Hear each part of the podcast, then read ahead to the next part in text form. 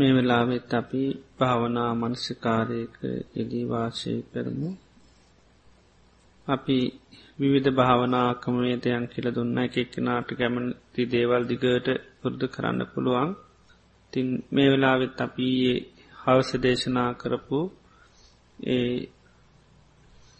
සුතවන්ත සූත්‍රයේ දේශනා කරලා තියනව පංචුපාදානස්කන්දයන්ගේ ආදීනුව බලන්න.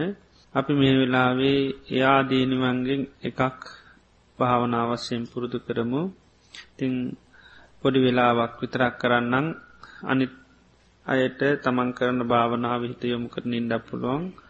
අලුතෙන් පුහුණු වෙන කෙනෙකුට අපි කරන කමවේදය පුහුණුවක් හැටියට කරන්න ඒ භාවනාමී වෙලායි පොඩි වෙලාවක් කරනවා. ඉන් පස්සේ කවුරුත් නිසද්දව අපි භාවනා මනස්කාරකයේ දීවාසය කරමු ඒ දේශනයේදී බුදුරජාණන් වහන්සේ මේ සාධපත මහරාතන් වහන්සේ පෙන්වා මේ පංචුපාදානස්කන්ද අනිත්‍ය වසයෙන් දුකාක්‍රෝගයක් ගඩුවත්වාලයක් ආදී වසයෙන් මේ පංචුපාදානස්කන්දී තියෙන ආදීනව හොඳට සිහි කරන්න කියලා. ආදීනව සීකරන්න සීකරන්න අන්නේ පංචුපාදානස්කන්දයන් පිළිබඳව තියෙන සකහා ඉදිට්ටි විචිකිච්චා සීලබ්බත පරාමාශ කියන මේ සංයෝජනයන් නැති කරන්න නැති වෙලා සෝතාපන්න වෙන්ඩත් හැකියාවතියෙනවා කියලා.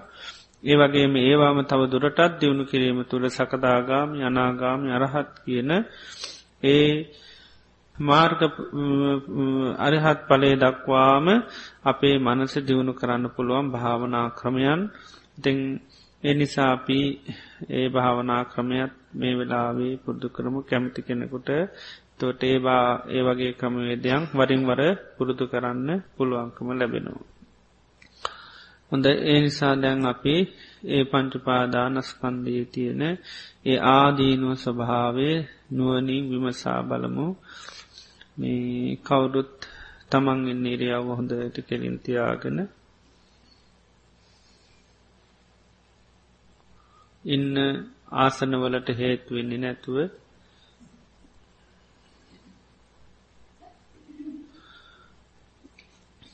මං මේ මොහොතේ ඉඳගෙන ඉන්නේ කියල හොඳට කීපතා වස්සහි කරන්න. මං මේ ඉදගත්තේ භාවනා කරන්න.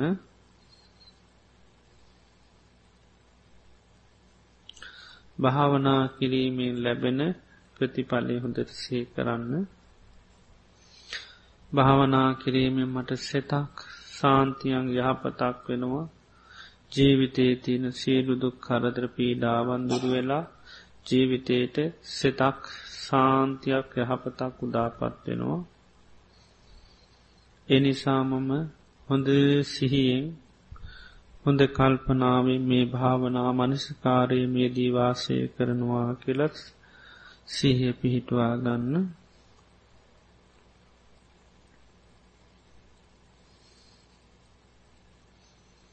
මේ මොහොතේ මේ පංචුපාදානස්කන්දයන්ගේ ආදීනුව මම හොඳට නුවනින් විමසා බලනවා.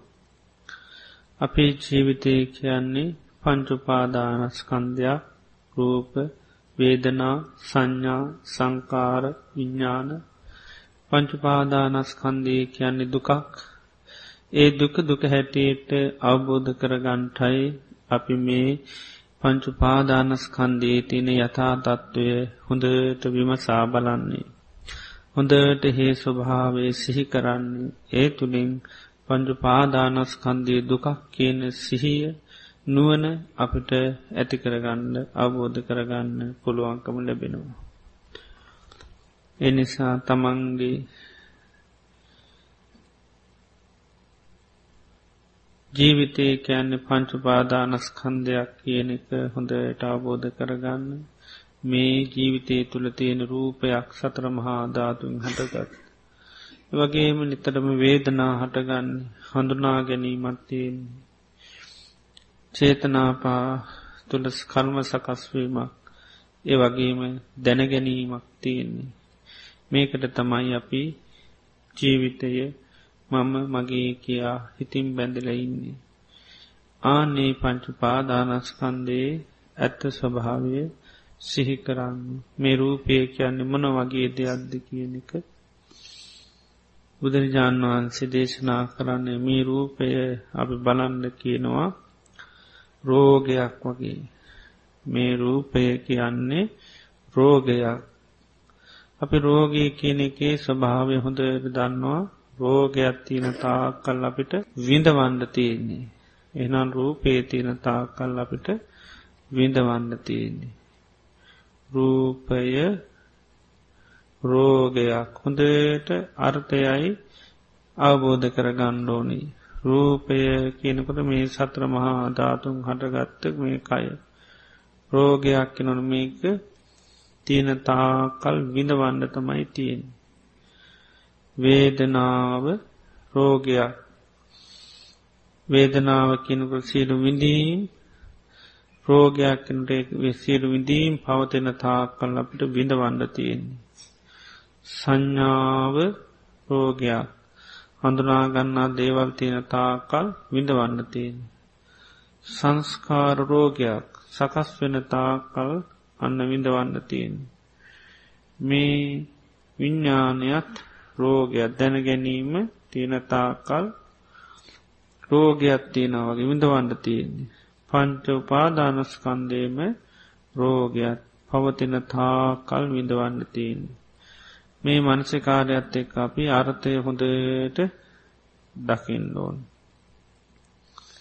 රූපය රෝගයා රූපේ තියෙන තා කල් අප්‍රමාණ දෙස විඳවන්න සිද්ධ වෙන. වේදනාවත් රෝගයා වේදනා තින තාකල් විඳවන්න සිද්ධුවෙන්. සංඥාව රෝගයක් සංස්කාර රෝගයක් විඳවන්තියන්නේ සංස්කාර පවතින තාකා. විඤ්ඥානයත් රෝගයක් රූපය රෝගයක් හොඳට අර්ථ ඇති කරගන්න අර්ථ දියා හොඳට තම නුවනින් බලන්න රූපේ තියෙන තා කල් විඳවන්න තියෙන්නේ. වේදනාවත් රෝගයක් සංඥාවත් රෝගයක්. සංස්කාරත් රෝගයක්. විඤ්ඥානය රෝගයක්. පංච උපාදානස්කන්දයම රෝගයක්. පවතින තාකල් අප්‍රමාණ ලෙස දුක පීඩාව විඳින්ද වෙනවා. රෝගයක් තිගෙනකුට තියෙන තාකල් විඳ වණ්ඩයිතියෙන්. රෝගය කැන්නේ මහා රිතුන් වේදනා පීඩාපදෝන එක. මේ රූපය කියන්නේ රෝගයක් වේදනාවත් රෝගයක් සංඥාවත් රෝගයක් සංස්කාරත් රෝගයක් විඤ්ඥානයත් රෝගයක් පංච උපාදානස්කන්දයම රෝගයක්. හොදට අර්ථය මේ සිහිකිරීමත් එක් ඇති කරගන්න ඕන. රූපය රෝගයක්. වේදනාවත් රෝගයක්. සංඥාවත් රෝගයක්. සංස්කාර රෝගයක්. හොදට අර්ථය තමන්ගේ නුවනින් දකිින් ඕනි. රූපේ තියෙන තා කල් විඳවන්ඩයි තියෙන් එක නර්ථයයි ඇති කරගන්නවා වේදනාව පවතින තාකල් විඳවන්නයි තියන්නේ. සංඥාව පවතින තාකල් විඳවන්න තියන්න. සංස්කාර පවතින තාකල් විඳවන්න තියන්නේ. විඤ්ඥානය පවතින තාකාලුත් විඳවන්න තියන්නේ. එනිසා මනසිකාරයත් සමඟ හොදට අර්ථය තමන්ගේ මනස නුවනින් දකිින්ඩෝන් රූපය රෝගයක් කෙනකොට අර්ථය හොඳට තමන්ගේ නුවනින් අවබෝධ කරගන්න ඒ සඳහා හොඳට නුවන මෙහෙවන්නු.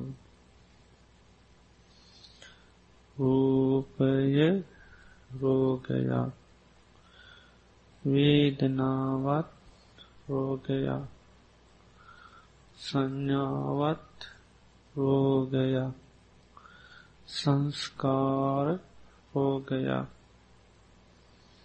විඤ්ඥානය රෝගයක් විඳවන්නතින් පංචුපාදානස්කන්දම රෝගයක්.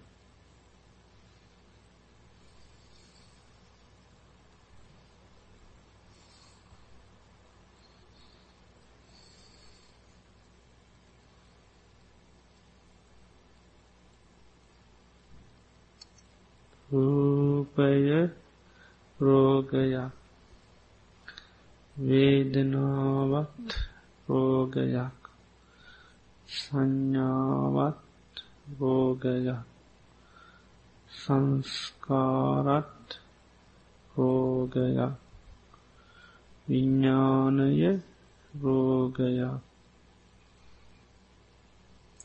පංච පාදානස්කන්දේම රෝගයක් විඳවන්න තියෙන්නේ. රූපය රෝගයක් රූපේ පවතින තාකල් අපරමාන පීඩාවන් සිදුවෙන. රෝගයක් පවතිනවා වගේ. රෝගයක් තින තාකල් සැපයක් නෑ විඳවන්න තියෙන්. වේදනාවත් රෝගයක්. වේදනාවින් තාකල් විඳවන්න තියෙන රෝගයක් තියෙනවා සංඥාවත් රෝගයක්. සංස්කාරත් රෝගයක්. විඳවන්න තියෙන විඤ්ඥානයක් රෝගයක් වගේ. විඳවන්න තියෙන්නේ පවතින තා කල්ල ප්‍රමාණ දුකක්. රූපය රෝගයක්. වේදනාවත් රෝගයක්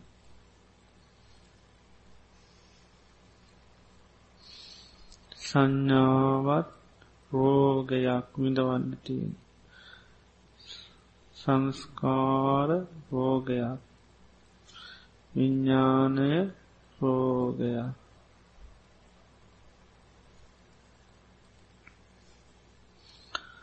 පංචපාදානස්කන්දයම රෝගයක් පවතින තාකල් අප්‍රමාණ දුක්විදින්නට සිද්ධ. හොඳට ආදීනුව සිහි කරන්න අර්ථය හොඳට අවබෝධ කරගන්න.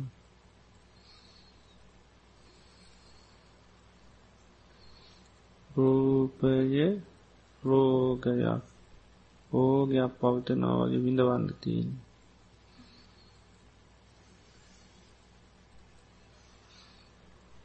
වේදනාවත් රෝගයක්. සංඥාවත් රෝගයක්. සංස්කාරත් රෝගයක්. පංච උපාදානස්කන්දේම රෝගයක්. හොඳට තමන්ට වැටහෙන විදිට අර්ථ හොඳට විමසා බලන්න. කවුරුත් නිශ්ශද්දව මේ විදිහට දිගට කරන්න හිත පිට යනුවනං ගොඩා වරින් වඩ භාවනාවයාන සංසසහි කරන්න ඉන්න තැනට සිහ බේටවාගෙන ආයමත් වේදියට භාවනාමන්ස්කාරයේදෙන් සාධ සාධ සාධ